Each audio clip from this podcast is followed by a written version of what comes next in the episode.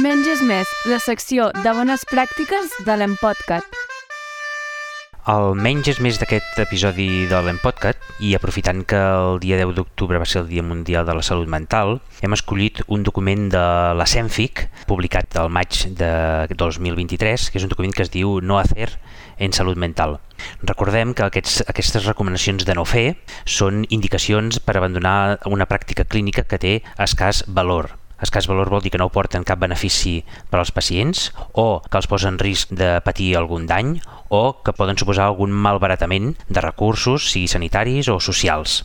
Aquesta recomanació de no hacer en salut mental de la CENFIC és un document de 38 pàgines en el qual hi ha 15 recomanacions.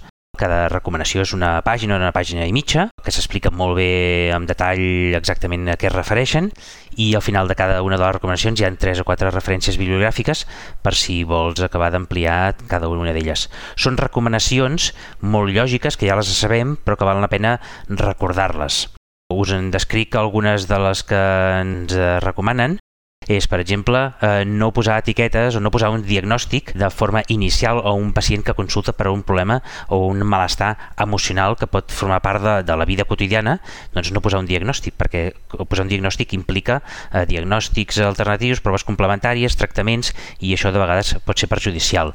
O, per exemple, no minimitzar els símptomes de salut mental en població infantojuvenil, o per exemple eh, no obviar en l'anamnesis el consum de substàncies, de tòxics en persones que consulten per problemes de salut mental o no ometre no, l'abordatge de la ideació suïcida en qualsevol persona que consulta urgències per clínica o símptomes depressius.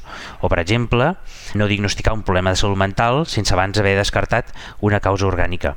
I ja finalitzant, per exemple, no subestimar el risc cardiovascular augmentat que tenen tots aquells pacients que prenen antipsicòtics. I finalment, no desprescriure antidepressius a una persona que l'ingressem a planta per algun problema i pren antidepressius, no oblidar d'afegir-ho en la seva prescripció a planta per evitar el síndrome de discontinuació.